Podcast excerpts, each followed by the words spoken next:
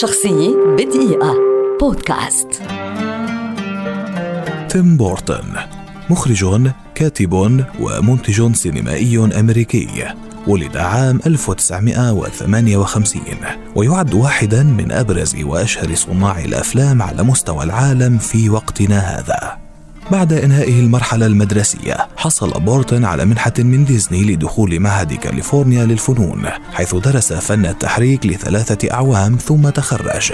عمل في بداية حياته كفنان تلوين في فيلم الكرتون Lord of the Rings قبل أن ينضم لاستوديو شركة والت ديزني كفنان تحريك تحت التمرين.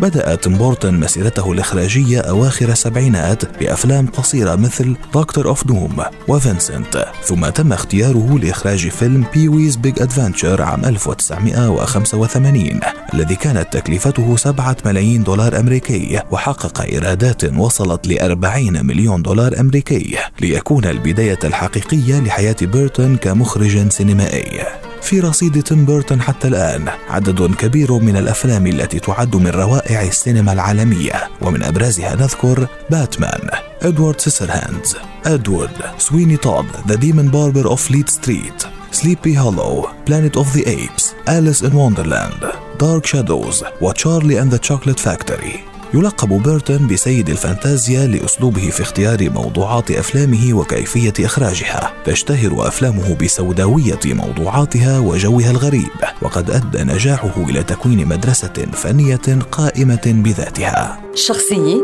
بدقيقة. بودكاست.